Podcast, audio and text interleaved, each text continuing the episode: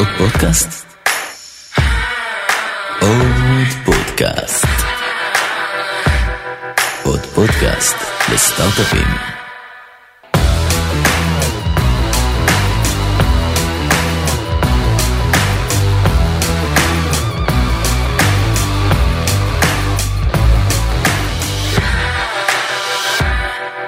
יוסי, גיא, מה שלומך? בסדר, מה שלומך אתה? שמח להיות פה. תודה רבה שבאת. בוא נראה לי נתחיל אה, מאיזה הצגה קצרה עליך ועל Stage 1 ובכלל על, על הרקע שלך. בכיף, אני אשמח. אז אה, רוב הקריירה שלי הסתובבה סביב אה, קרנות הון סיכון.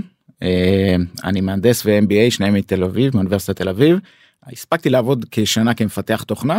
ומהר מאוד נכנסתי לתוך עולם ההון סיכון התחלתי ביוזמה שהייתה בעצם קרן של קרנות ובעצם הקימה את תעשיית הון סיכון בארץ השקיעה בקרנות וגם עשתה השקעות ישירות הייתי שם חמש שנים אחרי זה הפכתי לשותף בקרן בשם Challenge אתגר. אה, ניהלנו שם 200 מיליון דולר בשתי קרנות אה, והייתי שם 13 שנים שותף. לאחר מכן צעדו אותי לבנק הפועלים. שם הכרנו. נכון שם הכרנו אה, הייתי שם ממונה על הייטק בעצם אה, ייסדתי והקמתי את מה שקוראים לו היום פועלים הייטק בעצם זרוע הבנקאות לסטארט-אפים של בנק הפועלים בכל הארץ. במקביל הקמתי שם גם קרן אה, של קרנות שהשקיעה בכ-20 קרנות הון סיכון ישראליות. הייתי שם 6 שנים והיום אני ב Stage 1 שותף שאחראי להשקעות ה- early growth growth צמיחה כשהקרן עצמה מתמקדת בהשקעות seed deep tech b2b ואני mm-hmm. עושה את ההשקעות בצמיחה. אז זה ככה כמה מילים עליי. נדבר uh, על Stage 1 או שנגיע ישר כן. למה שנקרא נחתוך uh, ישירות לווריד הצבא אני, כמו שאומרים. אני אשמח Stage 1 זה קרן שפועלת 20 שנה בארץ uh, דרך uh, היום דרך הקרן הרביעית uh, מתמקדת בהשקעות seed.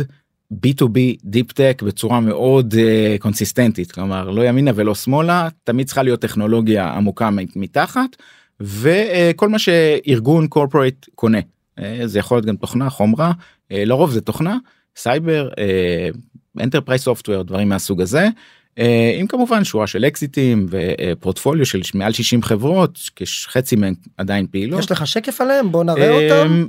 לא אני לרגע? חושב שאין לנו שקף ספציפי על Stage 1 אנחנו אחרי okay. אוקיי. זה מיד מה שנקרא מגיעים מיד לנושא לגמרי מהמם אז בוא נגיע ישירות לנושא שזה בגדול how do I fund my startup או, נכון. או אמרנו שנדבר בעצם על מקורות המימון האפשריים. אני היום יזם יזמת. בוא נעשה רגע סדר בכל ה buzzwords. בדיוק. בגדול. אתה יזם יזמת אנחנו רוצים אה, לגייס כסף לסטארט-אפ שלנו. זה הזמן. איך עושים את זה? רק מילה שב-22 גויסו פה בארץ מעל 14 מיליון דולר לעניין הזה בכמעט אלף 14 חברות, מיליארד. מיליארד דולר נכון. 966 סטארט-אפים כמעט אלף זה מדהים מרשים. השאלה היא אוקיי איך אני כבתור יזם איך אני מגיע להון הזה? מה אני עושה? נכלל אז, בסטטיסטיקה. בדיוק. אז אז אנחנו נתחיל באיזשהו ככה שקף מתכלל כזה שהוא קצת עמוס אבל uh, הוא מתחיל מהסוף. מה זה הסוף? אנחנו מתחילים בזה שיש יזם שיש לו 100 אחוז אולי שניים אז כל אחד חצי נכון? נכון. ואז מגיע הזמן שרוצים להתחיל לגייס כסף. אז לאורך הזמן נכנסים משקיעים. החלק של כל אחד מהיזמים מדלל. שווי החברה עולה החברה מגייסת יותר ויותר כסף עד שבסוף hopefully מגיעה לאיזשהו קצה שזה האקזיט שמדברים אליו זה לא המטרה כמובן אבל זה דרך החיים. גיוסים גיוסים גיוסים בצורה טבעית שווי החברה עולה זה במצב הטוב מגייסים יותר כסף החלק של כל אחד מדלל mm-hmm. ויש את האמרה שעדיף אה, פה זה 17 אחוז אבל זה לא משנה מתוך חברה ששווה אולי מיליארד אולי אה, כמה מאות מיליונים מאשר 100 אחוז מאפס. נכון 100 אחוז מאפס זה אפס נכון נכון 17 אחוז ממיליארד זה 170 זה הרבה, מיליון בדיוק, דולר בדיוק. זה אז, ו- אז זה חלק מהסיפור אז כאן יש בעצם איזשהו נושן שהוא כמעט אקסיומה לתוך ה... המצגת והשיחה שלנו זה בעצם בא ואומר שסטארטאפים מגייסים כסף בסבבים כל סבב בעצם היזמים באמת מדללים שיעור נכון. ההחזקות שלהם יורד נכון בדרך כלל אנחנו מדברים פה אנחנו נדבר על זה על בין 20 ל-40 אחוז דילול בכל סיבוב כן אבל מצד שני השווי היחסי האבסולוטי של החברה שבה יש להם החזקות עולה, עולה. משמעותית. עד לאירוע הנזלה אירוע נכון, ליקווידציה וגם אקזיט או הנפקה נכון וגם הכסף הוא הדלק כלומר בלי כסף משמעותי יש גבול למה שאפשר לעשות בבית בגראז' בחדר לא משנה איך קוראים לזה אז הכסף הוא must זה לא. אה, אה, סתם אוקיי? נכון, הוא אז אנחנו- מאפשר לנו להגיע לשם. אז באמת אולי אה, מילה לגבי קצת יותר בדאבל קליק לפני שנכנסים לסוגי המשקיעים על למה לגייס כסף כי אנחנו רואים הרבה אני בתוך קהילות של יזמים וכל מיני שיחות על, על למה בכלל אני צריך ויסים? יש לי עסק שהוא רווחי למה אני צריך עכשיו לגייס כסף חיצוני להידלל אולי לפעמים לאבד שליטה על החברה? כמה שנקרא בהיי לבל כמובן. א- אז אנחנו רואים זה נכון שאפשר היום עם, עם הקוד הפתוח ועם היכולת של מפתחים לעשות דברים ספריות ועכשיו עם הג'נרג'י ו-AI שבכלל יכתוב לך את הקוד ויעשה לך את הסטארט-אפ.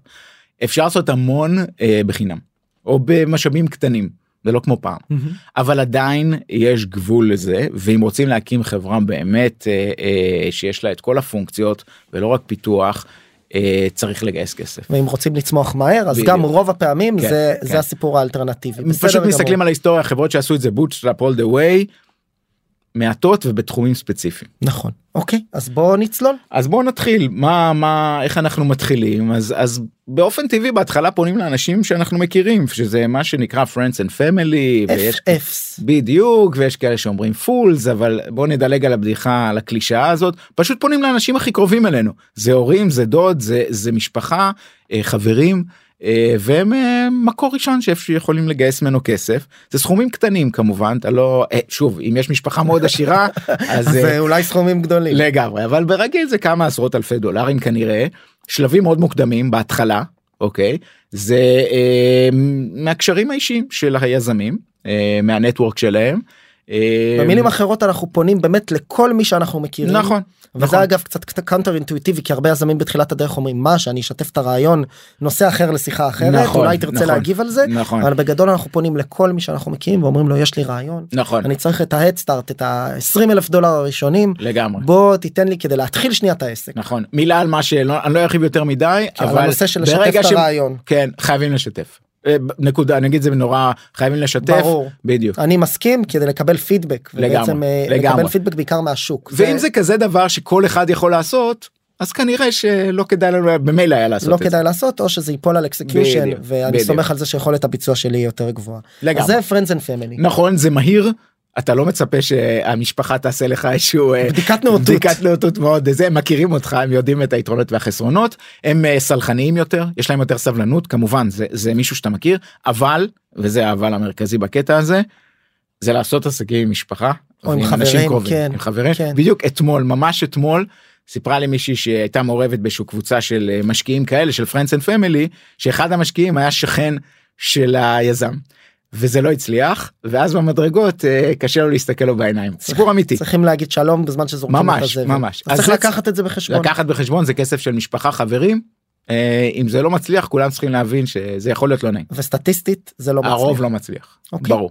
אז זה הדבר הראשון זה ההתחלה ככה אנחנו אה, מתחילים את המסע שלנו אחרי זה אנחנו נתקלים במה שנקרא angels אה, בעברית זה קצת המלאכים תרגום לא הכי אה, אה, אולי לוס אנג'לס זה יכול להיות קשור כזה angels אבל אה, מה, מי זה החברה האלה זה אנשים אה, עשירים מקושרים.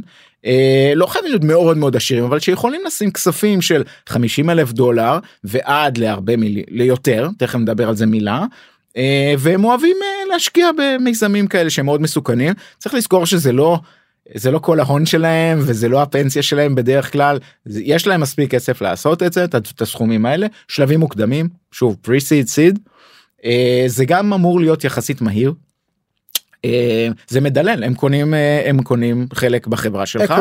לגמרי ברור. כן הם יכולים לתת mentorship לשבת ב board תלוי מי הם אוקיי? והם יכולים להיות פסיביים תכף נראה שיש כמה סוגים של חבר'ה כאלה. יש את החבר'ה שפרופשיונלס המקצוענים. מה זה מקצוענים? זה יכול להיות שהם עושים את זה סדרתי כלומר הם עושים כמה והם רגילים לעשות פעם בחצי שנה חודשיים שנה עסקה. לשים עסקה כזאת. אז זה לא זה לא זר להם. הם מכירים את כללי המשחק ויש את האופורטוניסטים חבר'ה ש... פתאום שמעו על רעיון יש להם כסף ונכנסים כן. אה, באופן רגיל שהכלכלה חזקה וגבוהה רואים יותר אופורטוניסטים שבאים מעולמות של אה, נדל"ן יהלומים כל מיני תעשיות אחרות. וזה יותר מגניב לדבר על סטארט-אפ ביום שישי עם החברים מאשר על אה, עוד משהו מהעסקים הרגילים. צריך לשים לב שה professionals הם, הם מבינים בדרך כלל מה הם עושים הרבה פעמים הם באים מאותה תעשייה בדיוק שלך עשו אקזיט ומכירים טוב מכירים גם את הסיכונים. בעוד שהאופורטוניסטים הם אה, לא תמיד יודעים שזה כל כך מסוכן כי הם רגילים להצליח בעסקים שלהם ועל דולר שהם שמים הם רגילים באקסל של המשפחה או של עצמם לרשום דולר. פה על הדולר שהם שמים בסטארט-אפ הם צריכים לשים אפס. אם יצא משהו יופי לכן אנחנו כיזמים צריכים להדגיש את הסיכונים מול חבר'ה שהם פחות אה, מקצוענים. שיהיה לנו אינטגריטי נכון. להסביר לאנשים אם אנחנו מבינים שהם לא מתוך העולם הזה. אגב זה תמיד להיות שקופים לספר ובייחוד אני כמשקיע בייחוד רוצה לדעת את הדברים הלא טובים וכמה שיותר מהר ולא שיפתיעו אותי עם בשורות רעות כי עם בשורות טובות גיא אנחנו כולנו יודעים להתמודד נכון ברור, עם ברור. בשורות רעות יותר קשה לנו ברור אז באמת בהקשר הזה אני שומע על האנג'לים וזה גם אני אוהב להגיד ליזמים שלי יש באמת החבר'ה שאני קורא לזה במרכאות כפולות עובדים בזה. זה יכול להיות אנג'לים קטנים שיודעים לשים כמה עשרות ומאות אלפי דולרים ויש כאלה ששמים גם מיליוני דולרים אתה תכף תיגע נכון. בזה אבל מה שחשוב להגיד זה שזה סוג של העבודה שלהם. נכון. לא משנה אם הם מתפרנסים מזה או שיש להם מקור הכנסה אחר הם עובדים בזה הם עושים בדרך כלל כמה עסקאות בשנה הם מאוד קשובים למצב השוק הם מבינים את המתמטיקה של סבב גיוס הם מבינים את ה timeline של מתי הם יצפו לקבל את הכסף בחזרה אם בכלל הם מבינים את הסיכונים ואת הסיכויים לרוב. נכון. ויש הרבה אופורטוניסטים כמו שקראת להם גם קראת לזה מעולמות ישנים כמו נדל"ן וכדומה ששם זה הרבה פעמים מסוכן החבר'ה מצפים לקבל תשואה כמו ב rent ממש. כל שנה ואז מבינים שהכסף שלהם סגור באיזה סטארט-אפ ל-12 שנה עכשיו כן. ואולי הם, הוא יהיה שווה אפס הם יכולים להשתגע מזה אבל גם אנחנו רואים את זה יותר ויותר בטק אנג'לים שהם בעצם קשורי תעשייה שעושים איזושהי עסקה אופורטוניסטית שהגיע להם מתוקף הפוזיציה שלהם אז למשל יש לי סטארט-אפ שעכשיו מגייס כמה מיליונים למוצר עבור מנהלי מוצר אנחנו פתאום רואים סדרה של חמישה שישה מנהלי מוצר מחברות גדולות כל אחד שם 25 50 אלף כן. דולר כדי לתת סיגנל חיובי כן החברה האלה אנחנו מסתכלים עליהם קוראים את הכתבות בעיתון שומעים עליהם בתעשייה ואומרים הם אנג'לים אבל דה פקטו הם קודם כל אנשי מקצוע ומנהלי מוצר בטק נכון. היה להם קצת כסף נזיל על בסיס איזשהו קשר או הזדמנות וכולי הגיע להם עסקה וחשוב מאוד להיזהר עם התיוג הזה ברור שדה פקטו הם שמו כסף אנג'ל אבל לא בטוח שהם עובדים בזה והבידול הזה בין חבר'ה שעובדים בזה לחבר'ה שעושים עסקאות על בסיס נטוורק או על בסיס אופורטוניסטי הוא בידול מאוד משמעותי ואנחנו כיזמים צריך, צריכים לדעת גם איפה להשקיע את הזמן שלנו. זו דעתי. נכון יש יתרון שחבר'ה כאלה מהתחום שלך משקיעים בך הם יכולים לעזור לך ובאמת גם כשאתה מספר למשקיעים אחרים מי השקיע בך זאת אומרת זה לא סתם אנג'לים זה חבר'ה מהתחום. הם יכולים להיות לקוחות הם מאמינים נכון, בפתרון נכון. ברור והם אבל לא היו משקיעים אם, אם הם היו חושבים שזה מצד מצד שני לא בטוח שהם ישקיעו עכשיו בכל סטארט-אפ אחר מהרחוב מה שנקרא נכון. אז אני מדבר מה שנקרא אנחנו כיזמים כשאנחנו מסתכלים על הפנומנה הזו על התופעה צריך אה, לדעת לגדר אותה במסגרת מאוד ספציפית. נכון כשאני הולך צפונה אז אני אומר רק אה, מספר על חבר'ה שיכולים להשקיע יותר אני יושב בבורד של איזושהי חברה שיושבים שם איזשהו שלושה ארבעה אנג'לים שכל אחד השקיע בחברה מעל חמישה מיליון דולר באישי. כסף אישי שלהם. אישי שלו. מהמם. כלומר יש אנשים שיכולים לעשות את הדברים האלה אבל לרוב זה לא מגיע לסכומים כל כך גבוהים זה גם לא צריך להגיע לזה כי זה לא כל אחד והשלב שלו. מעולה. אוקיי. אז זה קצת לגבי האנג'לים נראה נכון לי. אז זה האנג'לים. אה, אני, אני קופץ אה, יוצא קצת מהצד לגוף אחר. מה שנקרא קפצנו הצידה לפני שנחזור נכון למסלול. נכון שנקרא אה, רשות החדשנות Israel Innovation Authority פעם קראו לזה המדען הראשי בעבר זה גוף ש, של המדינה רשות יש לה יושב ראש עמי אפלבאום ו- ומנכ"ל דרור בין היום היא כפופה למשרד הכלכלה וזה גוף שמעודד החדשנות מבחינת המדינה גוף של המדינה. אה, מה שטוב בו שהוא כל שנה מזרים מאות מיליוני שקלים לתעשייה לא משנה אם הכלכלה למעלה למטה הם תמיד שם נכון. שזה לזכותם. אה, הם פועלים בכל השלבים מחוקר באוניברסיטה שיש לו רעיון וצריך 20 אלף דולר אה, דרך אה, יזם ממש בהתחלה עד לצ'ק פוינט שפותחת קו חדש יכולה אפילו שזו חברה כזאת גדולה ועשירה יכולה לקבל מרשות החדשנות כסף אז הם באמת all over אה, זה שוב זה שייך למדינה. אה, לפעמים יש להם אה, דברים שנקרא אה, הם צריכים match כלומר הם ייתנו סכום מסוים ואתה כיזם תביא תגייס סכום אה, שקול כנגד מה שהם מביאים שזה מהמם. גם יפה כי במקום להתחיל מאפס אתה מתחיל עם חצי ממה שאתה רוצה והם ישלימו בדרך כלל זה אה, מענקים מותנים מה שנקרא conditional grants כלומר אתה תחזיר את הכסף מתמלוגים אם תמכור אם לא תמכור לא תצטרך להחזיר. אם כלומר, תמכור את החברה. לא לא לא אם תתחיל מכירות אוקיי. רויאלטיז אוקיי. עכשיו אה, שוב זה לא גוף שמחפש להתעשר זה מדינת ישראל זה נועד לעודד את החדשנות במדינה ולא לעשות כסף. נכון והכסף הזה חוזר חזרה בעצם לקרן המו"פ נכון, ומושקע נכון, חזרה נכון, בחברות סטארט-אפ. בדיוק לפעמים זה הלוואות לפעמים זה ממש בצורה של השקעה תכף נראה אה, גוף שלהם שעושה את זה ממש בצורה של השקעה. יש שם בירוקרטיה מסוימת אה, הם למרות שהם מאוד משתפרים הכל דיגיטלי ו... אבל יש טופסולוגיה מה שנקרא צריך למלא דברים וזה בסדר זה כסף של, שלנו כמשלמי המיסים. הכל כפוף לחוק המו"פ אה, שמסדיר מה קורה אם אה, ה-IP או הייצור יוצא מהארץ הרי סך הכל המטרה של המדינה שזה יקרה בישראל. נכון שהקניין אז... הרוחני יישאר נכון, כאן. נכון. ואם לא אז ה royalties בין אם זה בזמן מכירות או מכירה עולים יש איזשהו מכפיל, נכון, יש איזשהו מכפיל, על ה... מכפיל. יש איזשהו דלתא. נכון וגם באקזיט מה קורה אם מוציאים את האנשים וזה מה שחשוב שיש ודאות כלומר ידוע כללי המשחק ידועים ומשקיעים אוהבים שכללי המשחק ידועים ולכן זה לא כלי שמבריח משקיעים או משהו כזה אנחנו רואים שתמיד שוב כמו שדיברנו על האנג'לים האופורטוניסטים שהכלכלה גבוהה יש יותר אז שהכלכלה במצב יותר קשה אז בורדים דוחפים את החברות ל- לקחת יותר כספים אה, מהמדינה. נכון ראינו את זה למשל בתקופת הקורונה שבאמת נכון. היה גיבוי גם למענקי סיד שניתנו ישירות לחברות שרוצות נכון. לגייס כסף נכון ממש גייסו ישירות את הכסף כן מרשות החדשנות ולצד זה היה תמיכה במשקיעי הון סיכון שיזרימו יותר כסף נכון. לחברות נכון מאוד. וקיבלו איזשהו גיבוי איזשהו גידור מטעם הרשות. נכון הם מחפשים המדינה מחפשת כשלי שוק הם לא ייכנסו במקום שיש בו המון כסף פרטי כי אין צורך זה כספים של משלם המיסים אז מחפשים מקומות יותר קשים יותר התחלתיים ושם הם, אה, הם עוזרים צריך לזכור שזה לרוב לא מדלל אמרנו זה מענקים מותנים זאת אומרת הם ב- לא לוקחים אחוזים בחברה לא. אלא רק רוצים באנד גול נכון. נתח כדי להחזיר חזרה את הכסף הביתה. נכון למעט מקרים מיוחדים שאנחנו תכף נעבור עליהם. עכשיו כן חשוב להגיד לסגמנט את זה מנטלית שרשות החדשנות באמת כמו שאמרת ואני קצת חוזר על זה אבל מחדד בעצם באה לתקן כשלי שוק אז הרבה פעמים יש להם נטייה להסתכל על מיזמים שלאו דווקא בשלב ראשון יהיו מתאימים למימון מהשוק הפרטי התחרותי נכון יותר. מאוד. למשל חברות שכיסו מקרנות הון סיכון או אנג'לים מקצועיים שמסתכלים על עסקאות יותר תחרותיות ואומרים אני מחפש פה שם קוד את היזם הסדרתי יוצא תלפיות שעושה מיזם בעולמות הסייבר כנראה יהיה לו פחות בעיה לגייס אני אומר את זה כמובן כן. הכללה גסה לעומת זאת אם אני עושה עכשיו איזשהו פתרון deep tech-י מבוסס טכנולוגיה עמוקה בתחום כמו חקלאות. או אפילו בעולמות של טכנולוגיה מתקדמת שהיא יותר hyped עכשיו כמו בינה מלאכותית וכדומה או quantum computing ראינו שהמדינה נכנסת בתחומים האלה הרבה מאוד ומסייעת לחברות אה, אה, להקים צי R&D ומעבדות מדעיות כדי לאפשר לקדם אה, טכנולוגיות כאלה ושם יש בדרך כלל הרבה יותר סיכון. נכון צריך לזכור שיש להם מערך בודקים אה, אזרחי כלומר זה הם לא עובדים שלהם הם פרילנסרים מהמם. כלומר מגיע בודק ומסתכל שיש חדשנות. על ו- הטכנולוגיה ממש ממש ככה. ח- בסוף רשות החדשנות מחפשים נכון. איזשהו סיפור חדשני זה לא רק רעיון או קונספט גם רוצים לראות טכנולוגיה חדשה או קייס לטכנולוגיה חדשה. בהחלט אז אם אני מסכם את, ה- אה, את רשות החדשנות בהחלט מומלץ מומלץ להסתכל ולבחון אגב גם אם לא תגיש מענק ותגייס בדרך אחרת אז הפסדת שעה של לעבוד מול אה, טופס מקוון לא נורא ואם כן אני תמיד מציע להסתכל על זה לבחון את האפשרויות. מעולה. לא לפסול. מעולה. אז סיכמנו את רשות החדשנות. נכון. אנחנו נפגוש אותה אגב עוד מעט בקרוב. אז אני עובר ל accelerators חממו אה, אה, מאיצים מה שנקרא בעברית אקסלרטורים שבעצם זה גופים ש...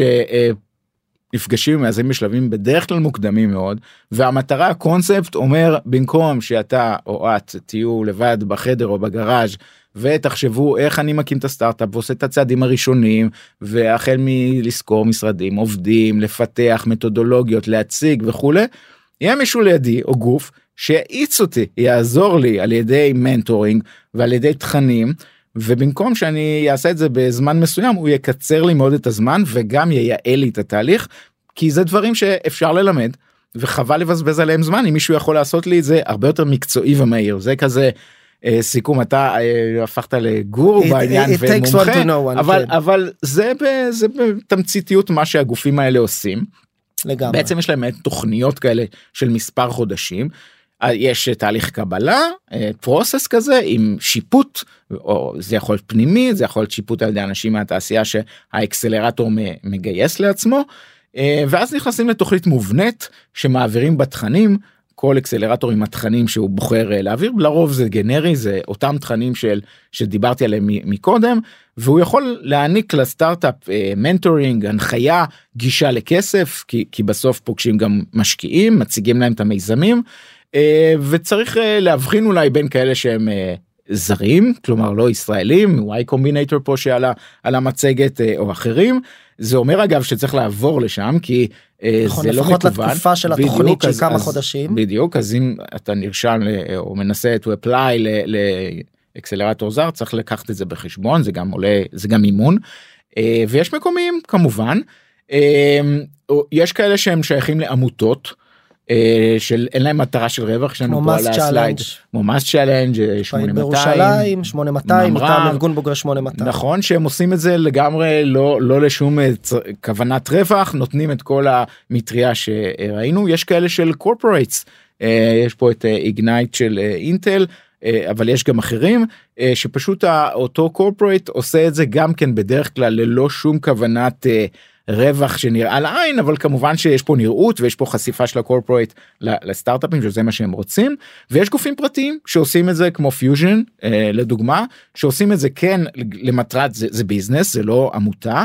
נותנים את כל המעטפת בדרך כלל עם השנים הם התחילו גם להשקיע כספים.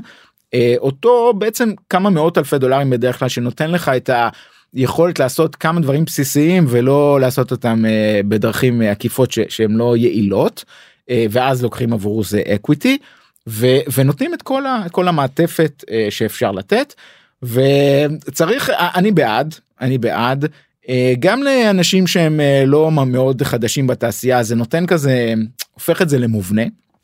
אבל צריך להיזהר לא להתמכר לזה. יש חבר'ה שעושים אחד שניים שלוש כאילו קופצים בין אקסלרטורים. כן זה כמו כאלה שעושים עוד ועוד תארים באוניברסיטה ולא מתחילים את החיים. אז אז כאן לא צריך להתמכר לזה. מתישהו צריך לצאת החוצה ולהתחיל ו. ואם יש כאלה שעושים את בלי זה זה גם בסדר אז זה לא חובה אבל זה זה מאוד עוזר מאוד נכון. עוזר. אז אנחנו תכף נגיע לדבר על קרנות אז כן חשוב להגיד שפה אקסלרטורים למטרות רווח אני מדבר גם מהזווית של פיוז'ן חשיבה שלהם מאוד דומה לאנג'לים וקרנות הם שמים כסף לוקחים equity והרבה פעמים מסתכלים על היכולת על ה fundable-יות של המיזם נכון.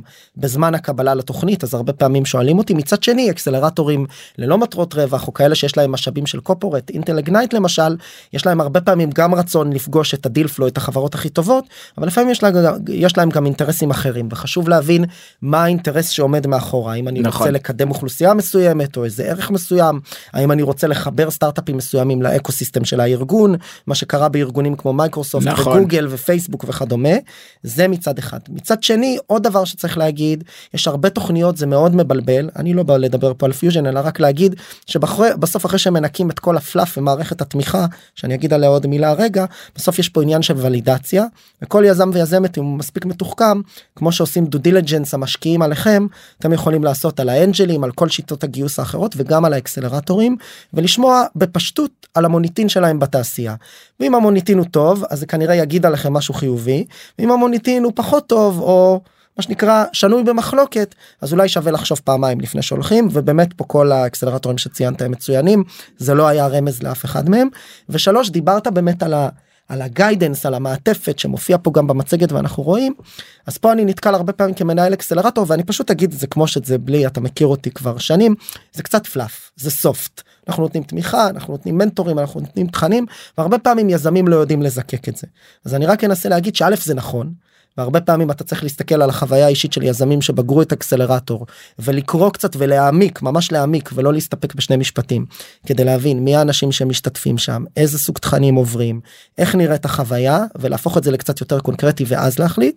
ודבר שני בחלק מהמקרים אני קורא לזה סוג של סיוע בקיצור דרכים אפרופו acceleration האצת ה execution.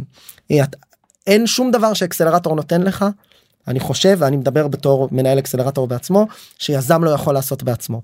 אפשר לעבוד על הפיץ' אפשר להגיע למשקיעים כן. אפשר להביא לקוחות. ה-claim to fame זה לקצר זמנים. במקום שייקח לך עשרה חודשים לעשות משהו ייקח לך פחות כי אותה מנהלי אקסלרטור ואותה פלטפורמה יש לה רשת שהיא תעזור לך להגיע לדברים מהר יותר.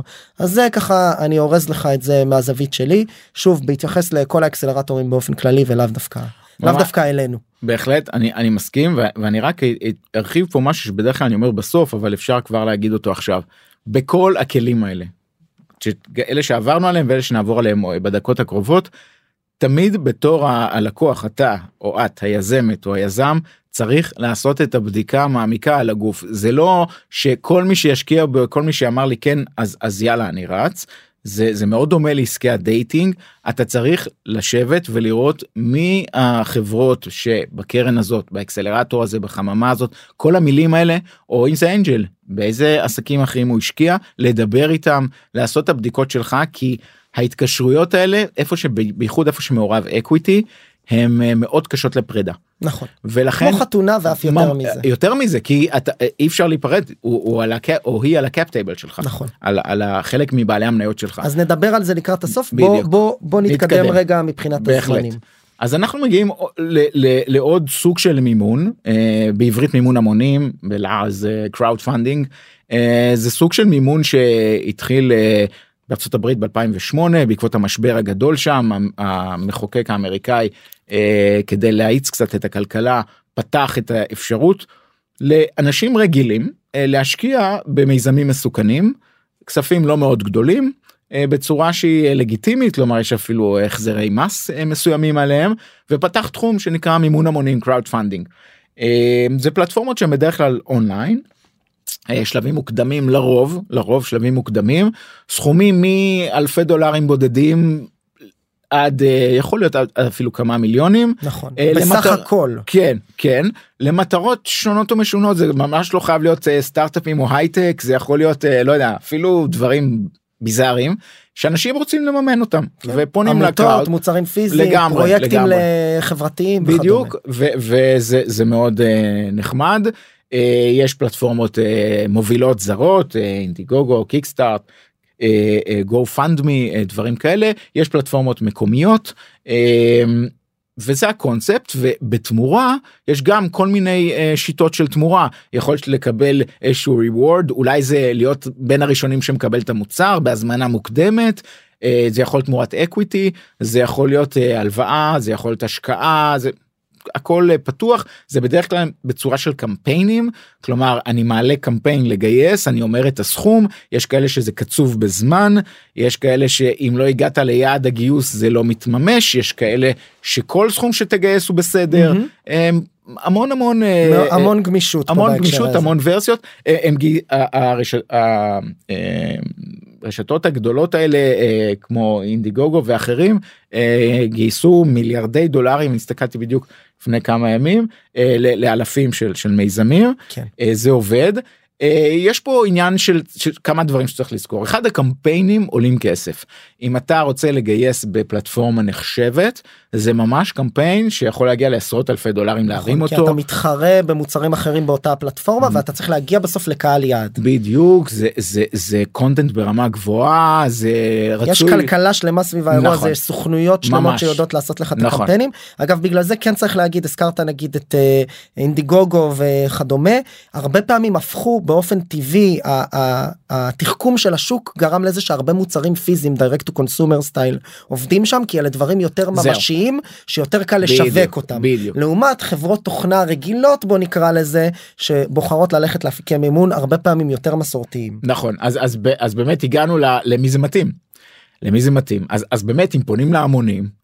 ש, שההמונים לא, לא חייבים להבין בדיוק בדב-אופס ב- בדבר הכי מתוחכם שהם פשוט לא מבינים מה זה מה נכון. אתה אומר מה זה המילה הזאת. נכון. לכן אנחנו רואים שזה יותר מתאים לדברים שהאדם הרגיל ואני לא מזלזל כי אבל האדם הרגיל יכול לראות להעריך. זה דברים יותר חומרתיים יותר שאתה יכול להבין מה הם עושים ויותר שפונים לקונסומר אין מה לעשות זה זה זה הדרך. אני לא אומר שדברים אחרים אי אפשר לממן בזה אבל דברים שמאוד קשה להסביר או שהם מאוד מאוד עמוקים טכנית קשה מאוד למכור בפלטפורמות. נכון ו- ובש, ובשביל זה אגב יש לנו את עכשיו דור בוא נקרא לו אני המצאתי עכשיו את ה phrase הזה 2-0 של המימון ההמונים של ה crowdfunding שהוא קצת אנחנו רואים אותו קורה ב-OurCrowd וגם אפילו ב PipelBiz שמוזכרים פה בשקף וגם ב-iAngels במובן מסוים אני מקווה שאני לא עושה עוול לעוד פלטפורמות וגם מדייק אבל בגדול R קראוד למשל היום מנהלת.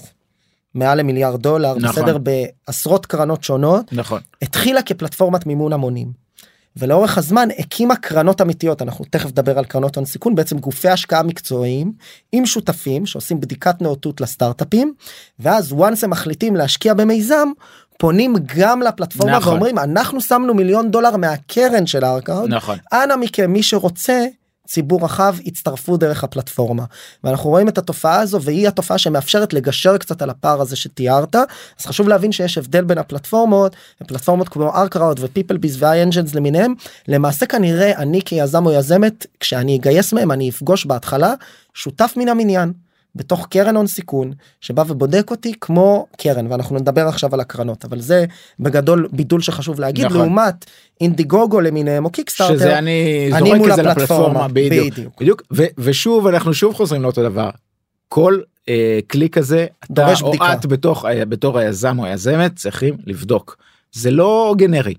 ויש פה flavors שונים ומשונים. אגב OurCrowd הם תמיד פנו זה לא היה להמונים באמת זה תמיד היו משקיעים כשירים. אה, כשירים כלומר חבר'ה שיש להם יותר מהאדם הרגיל גם מבחינת המס האמריקאי שמאפשר להם להשקיע סכומים יותר גדולים ו... ו שם הסכומים יכלו יותר להיות יותר גדולים כי זה לא אנשים סתם אנשים מהרחוב.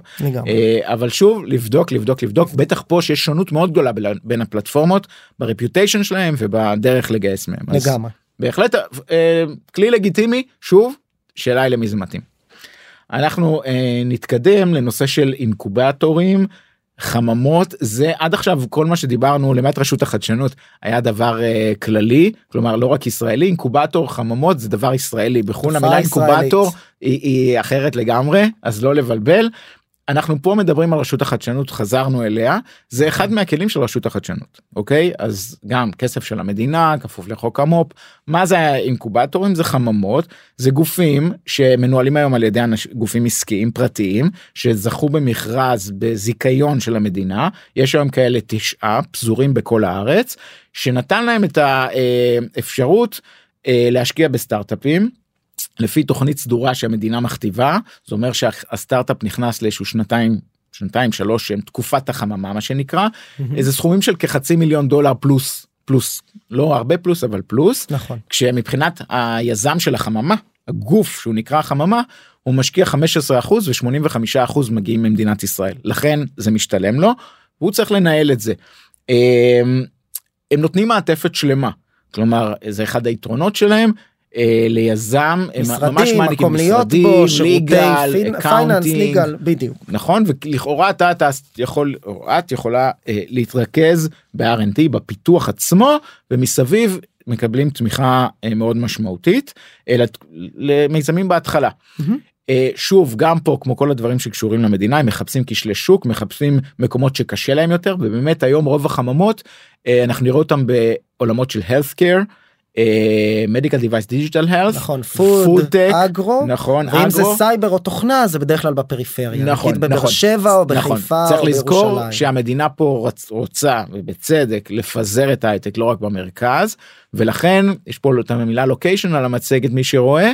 אה, צריך לעבור לשם פיזית כלומר החממה רוצה שהגוף ישב שם נכון. אוקיי אז אם זה בצפון הרחוק או בדרום הרחוק לא כזה רחוק זו מדינה קטנה עדיין צריכים צריכים להיות שם נכון. אז זה צריך לזכור אה, ויש פה שמות של אה, חממות אה, כאלה ואחרות. אני רק רוצה לחדד כמה דברים ברשותך כן. אחד בניגוד להתייחסות שלנו על רשות החדשנות בת- בתחילת המצגת או בתחילת השיחה בעצם לא לא צריך לחזור לזה אבל בעצם אה, אה, רגע שנייה אדר אתם יכולים לסגור את זה? את האימייל שלך? תודה. אה, אז בניגוד להתייחסות שלך בציר... בתחילת המצגת אה, על רשות החדשנות והמענקים חשוב להגיד אנחנו דיברנו על מענקים לא מדללים נכון. סוגים שונים של מענקים שנעים בין מאות אלפי שקלים ועד למיליוני שקלים נכון. ואפילו מעל לזה כאן אנחנו מדברים בעצם על גוף פרטי. שנקרא חממה הרבה מת, מתבלבלים בין זה לבין אקסלרטורים גם זה לא אקסלרטור לא זה גוף אקסלרטור. שהוא בזיכיון ממשלתי בדרך כלל היום יהיה בו גוף אה, ישראלי וגוף בינלאומי דורשים נכון. ששניהם ביחד ייגשו למכרז נכון. נגיד טבע ופייזר על חממה בעולמות הבריאות הדיגיטלית והתרופות. לגמרי יש פה אה, לא, לא בדיוק. צריך ללכת רחוק MindUP לדוגמה זה IBM זה זה זה אה, רמב"ם זה הטכניון זה ממש אה, קונסורציום של גופים כמו שאמרת. בדיוק והם הגישו למכרז זכו המכרז הוא תמיד גיאוגרפי החממה צריכה להיות ביוקנעם נכון. ולעסוק בדרך כלל בתחומים מסוימים ואז נותנים צ'ק של כמה מאות אלפי דולרים וכאן אנחנו מדברים על השקעה אמיתית ממש. שלוקחים equity בין 20 ל-40 אחוז נכון מהחברה אסור להם לעבור את החמישים אבל נכון. הם בהחלט לוקחים זה עסקי לחלוטין. והכסף פה- הזה ניתן לך למשך שנתיים ביחד עם שירותי נכון, החממה. נכון. עכשיו כן צריך להגיד וזה פה להיכנס לפרטים הקטנים שלפחות בשנים עברו לחלק מהחממות יצאו שמות פחות טובים. נכון. בגלל שזה כסף שבאמת מגובה על ידי המדינה וזה בא עם הרבה תנאים וה equity היה מאוד גבוה. אני חושב שהסנטימנט היום בשוק בטח לתחומים שבהם הרבה מהחממות פעילות משתנה הם גם יכולות להשקיע יותר נכון. גם לקחת פחות equity וכל התנאים הקטנים הרי the devil is in the details מה ממש. שנקרא קצת הוקלו אז שווה מה שנקרא לקרוא על זה וללמוד את זה ולשקול אותם כאופציה לגיטימית אם אתם בתחום שרלוונטי לחממה. נכון חל שיפור שיפור בנושא הזה גם היז- הזכיינים בגלל הדרישות נהיו גופים הרבה יותר רציניים הם גם יכולים להשקיע יותר גם רובם יש בהם גוף שמתמקצע בתחום של החממה. אם זה אה, פודטק אז יכולה להיות שם תנובה או שטראוס לגמרי. בצורה אמיתית שהם דוגמאות שמה אמיתיות. ממש ו, וגם בעולמות האחרים אה, וגם זה לא מפריע לך אגב להוסיף כספים ממקורות שלך כלומר זה הם לא מגבילים אה גייסת מה, מהחממה סכום מסוים זהו אתה לא יכול לגייס עכשיו להפך הם ישמחו שתגייס סכומים נוספים נכון באותם זה לא- תנאים או בתנאים כן, אחרים כן, זה בסדר כן. גמור זה עוד משקיע עוד משקיע ובתחומים שקשה יותר קשה לגייס. נכון ואני רק אגיד מילה אחרונה ועם זה נעבור התוכנית הזו של החממות הוקמה באמת בתחילת שנות התשעים היו כל מיני נסיבות מקרו. ומיקרו במקביל לפרויקט יוזמה שעודד פה משקיעים להשקיע בקרנות הון נכון. סיכון הקימו פה את תוכנית החממות כדי לעודד בין היתר את אה, באי האוכלוסייה אה, של ברית המועצות נכון, לשעבר נכון, נכון, להקים לגמרי. פה חברות עתירות ידע וטכנולוגיה ולמצוא להם מקומות עבודה ועד היום הוא נשאר כפרויקט מאוד מתקדם מאלה שהפכו את ישראל למדינה מובילה.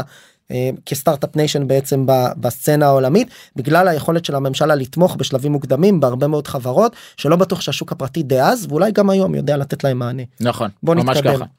אמ, אנחנו נתקדם ונגיע בעצם ל-VC's venture capital fund ש, שאולי אה, הם הגופים המרכזיים בה- בהשקעות פה. המוברס אנד שייקרס של התעשייה ממש לגמרי. ככה ומי שרואה את המצגת אז רואה פה את מגדל שרונה ששם המסובב, המסובב וסביבו יושבות היום רוב קרנות הון הסיכון בישראל.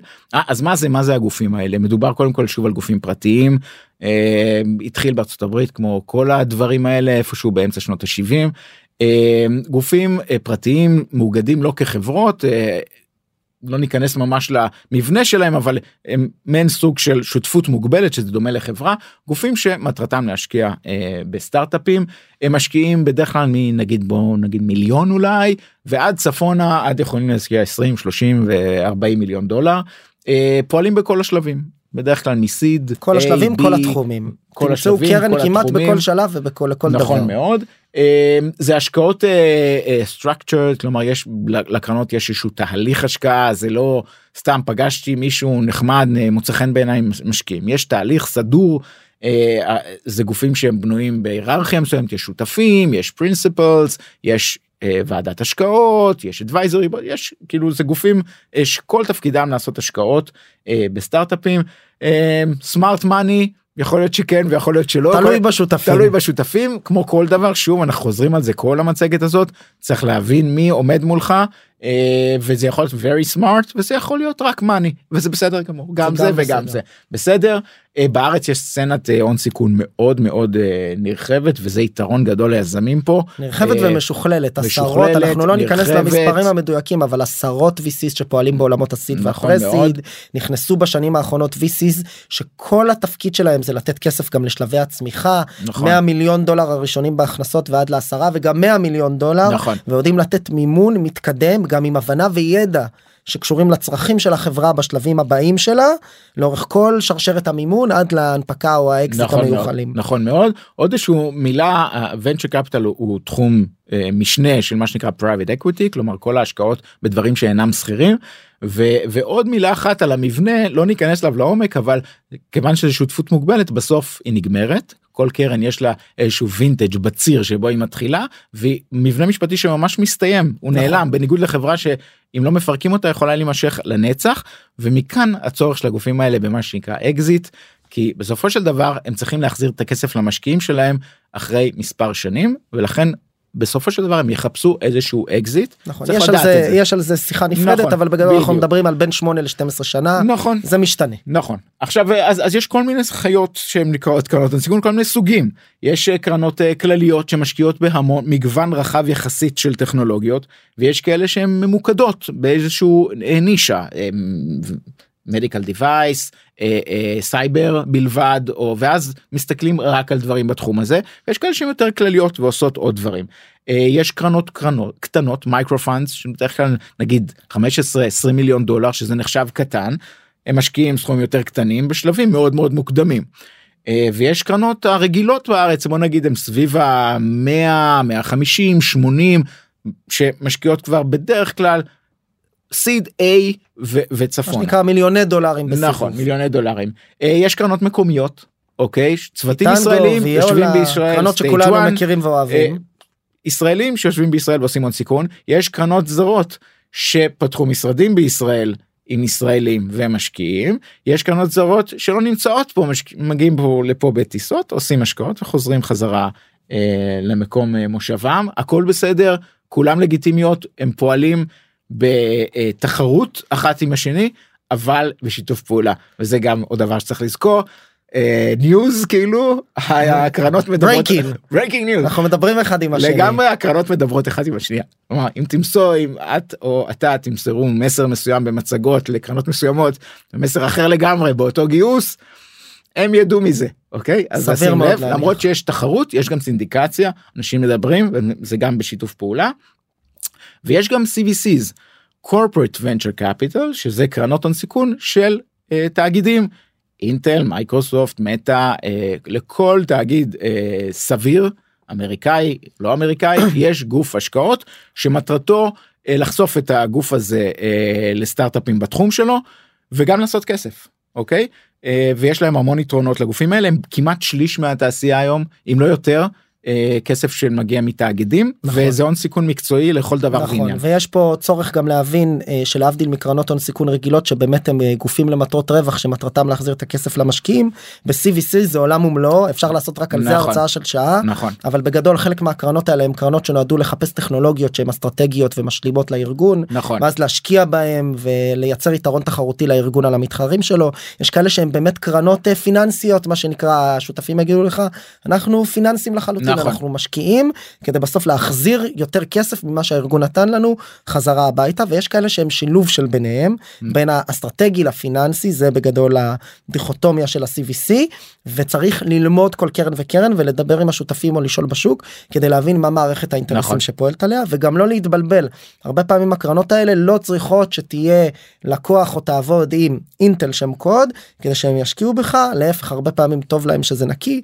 שוב הכל תלוי פר עסקה אבל זה בגדול הסיפור. נכון במילה אחת אה, כשגוף אה, אה, כזה תעשייתי תאגיד מקים קרן הון סיכון בדרך כלל בהתחלה הוא צריך שלסטארט-אפ יהיה קשר מאוד חזק לאחת החטיבות או אה, כדי להשקיע בו ככל שהגוף מתקדם ומתבגר. הוא מתבגר הוא הופך ליותר דומה ל-VC רגיל נכון. אז זה אז ככה זה נסכם. אז אז זה על, ה- על הגופים האלה שנקראים קרנות הון סיכון חלק מרכזי בתעשייה ללא ללא כל ספק.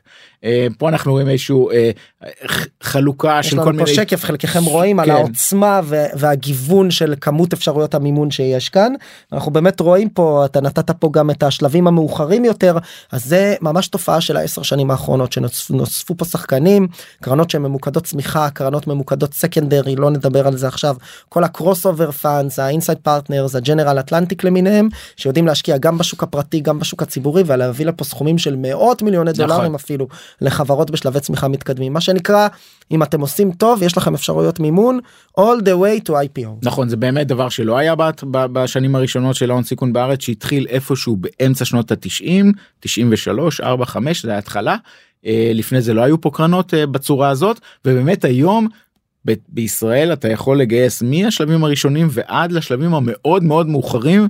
כולל BlackRock ים שיושבים פה ויכולים לתת לך גם אה, צ'קים של מאות. מיליונים אם הם רוצים אז אה, זה יתרון גדול של המקום הזה אגב אה, אין את זה בהרבה מקומות כולל מאוד מאוד מתקדמים את נכון. האקוסיסטם ה- השלם הזה. נכון את האקוסיסטם הישראלי. כן. טוב ככה אה, אז אנחנו אה, עוברים אה. ל- ל- לעוד אה, כמה גופים אה, קצרים אה, אחד family offices. family offices זה גופים שמנהלים כספים של משפחות או אנשים עשירים שהם עשירים מספיק כדי שמישהו ינהל להם את הכסף אוקיי? אה, והם גם משתתפים בסצנה של ההייטק של הסטארט-אפים. משקיעים גוף בין מיליון נניח ועד יכולים להשקיע גם כמה מיליוני דולרים ממש כמו קרן. הם מצטרפים בדרך כלל בשלבים מוקדמים סיד A אה, הם בדרך כלל לא מובילים הם רוצים ש... ובצדק מבחינתם כי הם זה לא העיסוק המרכזי שלהם. מחפשים לראות משקיע אחר בדיוק. שמוביל הם רוצים. לראות שיש משקיע מוביל קרן שהם יכול סומכים עליה ואז הם מגיעים אחריה וזה בסדר גמור. אה, שוב יש כאלה שמשקיעים באופן סדרתי בהייטק חלק מההון של המשפחה או המשפחות ויש כאלה שאופורטוניסטים דומה קצת לאנג'לים שפתאום הגיעה עסקה מכירים או יש איזושהי הזדמנות הם החליטו להשקיע. אה, לא צריך להתעלם מהם. אה, זה לא מאוד קל למצוא אותם אה, זה לא הם לא הם לא יושבים באתרים ומקדמים את עצמם אבל כדאי להשקיע בזה זה יכול להיות מקור טוב מאוד אה, כסף אמין שיכול להוסיף למוביל ולסגור סיבוב אז כדאי אה, לבדוק את הנושא הזה. מעולה. אה, אולי אה, אה, ממש ב- במילה בקצרה. יש פה משקיעים מוסדיים זה אותם אה, חברות ביטוח בנקים שגם נכנסו לעולם ההשקעות בסטארט-אפים נכנסים בשלבים מאוחרים יותר בי וצפונה צ'קים גדולים הם אוהבים לשים צ'קים גדולים כי יש להם הרבה כסף אני מדבר על סביבות 10 מיליון דולר צ'ק. אה, הם גם אה, אה, מצטרפים הם רוצים לראות שיש מוביל אה, וגם תהליך השקעה מאוד סדור יכול להיות מאוד ארוך אבל זה כסף גדול בייחוד בשלבי הצמיחה הם יכולים לשים צ'קים מאוד גדולים והם עושים את זה הם אה, מממנים. נכון זה בעצם הכספי פנסיה והביטוח של כולנו אה, שמשתתפים בו בהייטק הישראלי יותר ויותר אגב. אה, ומכשיר נוסף שנדבר עליו אה, אולי לסיום זה הנושא של venture debt venture lending פה אנחנו מדברים על הלוואות. הלוואות מיוחדות לתחום ההייטק לסטארט-אפים. אה, זה יכול להיות סכומים של אה, מספר מיליונים בודדים ועד אה, 15 מיליון אפילו ולפעמים יותר אנחנו מדברים בדרך כלל סיבובי A וצפונה אה, מי שנותן את זה זה בנקים. בארץ זה פועלים הייטק לאומי טק דיסקונט מזרחי ודומיהם. ממש פת- פתחו חטיבות business אשראי חדשות ככה. שיודעות לשערך את הסיכוי של סטארט-אפים להחזיר הלוואות מתוך הבנה שסטארט-אפ לא מתנהג לא תזרימית ולא נכון. cash flow wise כמו חנות מכולת. ממש ככה בעולם Silicon Valley Bank הוא, הוא גוף מוביל שלא אגיד המציא אבל בין אלה שכתבו את ה textbook של התעשייה הזאת קראו סוד קרן גדולה שפועלת בארץ זה לא מדלל. תכף אני, אני אגיד אני אסייג את זה אבל בעיקרון זה לא מדלל זה ממש הלוואה כמו הלוואה רגילה אגב הלוואות צריך להחזיר אז בניגוד ל equity שגם אותו אנחנו רוצים שבסוף אה, הוא, הוא יזכה ב-rewards על ההשקעה אה, הלוואה צריך ממש להחזיר. אה, צריך לקחת את זה בחשבון הם יכולים לקחת אותך לפירוק לבנק הם אגב חייבים אפילו לעשות את זה. אז זה צריך אה, לזכור טוב ופה זה מתחלק לשני דברים אחד קווי אשראי רגילים שמה שכמו בתעשייה הרגילה נקראים הון חוזר שזה פשוט אומר אני הגו- אני סטארט-אפ שכבר יש לי מכירות ואני מגלגל מכירות אז למה הבנק לא ייתן לי הון חוזר לממן לי את הפער בין הייצור לקבלת הכסף כן. אה, אפילו שזה יכול להיות פקטורינג כזה. בדיוק וזה זה סוג אחד הסוג השני זה מה שנקרא venture debt או venture lending ממש שזה הלוואה שהיא לא ממש תלויה ב, אה, ביום יום שלי אלא היא עבור צמיחה. היא עבור צמיחה והיא מתבססת הגוף שנותן אותה מבסס את זה שיש משקיעים חזקים ליד השולחן ושהחברה הזאת תוכל לגייס את הסיבוב הבא ואחרי הגיוס מהסיבוב הבא יחזירו לי את הכסף. לגמרי וזה אוקיי. גם מתאים לחברות מאוד ספציפיות בתחומים מאוד ספציפיים הרבה פעמים נגיד בפינטק שצריכים כסף כדי אה, נכון. אה, מה שנקרא איזשהו גיבוי פיננסי בצד כדי לתת אשראי אם אני סטארט-אפ שנותן אשראי ללקוחות אז אני משתמש בכסף הזה בשביל זה נכון. או אני חברה בעולמות הגיימינג או ה advertisement tech ואני משתמש בכסף הזה לתקציב שיווק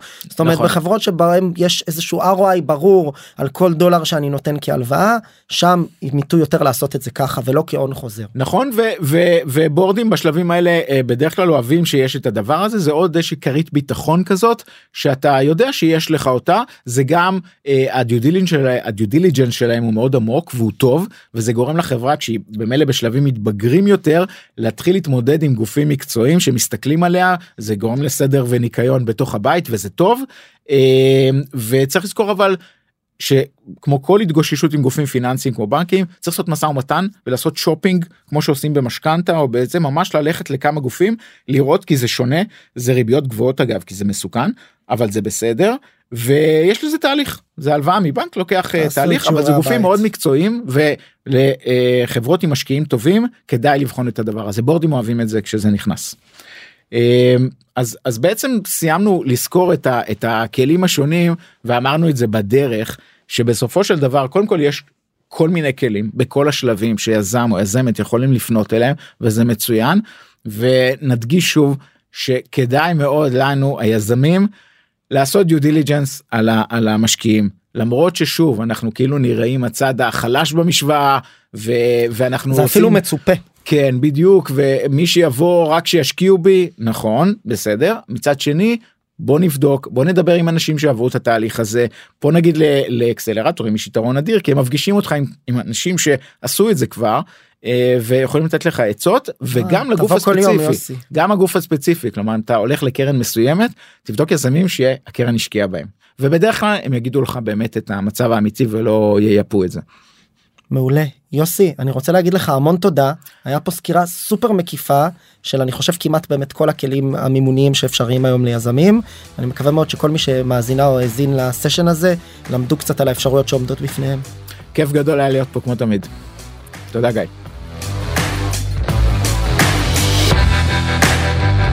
חברות וחברים, תודה רבה שנשארתם עד סוף הפרק והאזנתם לי. אני מקווה מאוד שהפרק העשיר אתכם ולימד אתכם משהו חדש, ואם הרגשתם שלקחתם משהו מהפרק הזה, אני ממש אשמח שתשתפו אותו ואת הפודקאסט בכלל, כדי שעוד יזמות ויזמים בתחילת הדרך בישראל יוכלו ללמוד על איך להקים ולהתחיל את הסטארט-אפ שלהם. אם אתם רוצות ורוצים לשמוע עוד פרקים, אני מזמין אתכם להירשם למעקב. כל הלינקים למעקב אחרי הפודקאסט שלנו מופיע ב description, וכמובן אתם מוזמנים לפנות אליי. או בלינקדאין או באינסטגרם ולספר לי איך נהניתם מהפרק ומה למדתם, או סתם לכל בקשה ותהייה, גם הלינקים האלה מופיעים אצלנו בפודקאסט. תודה רבה ונתראה בפרק הבא.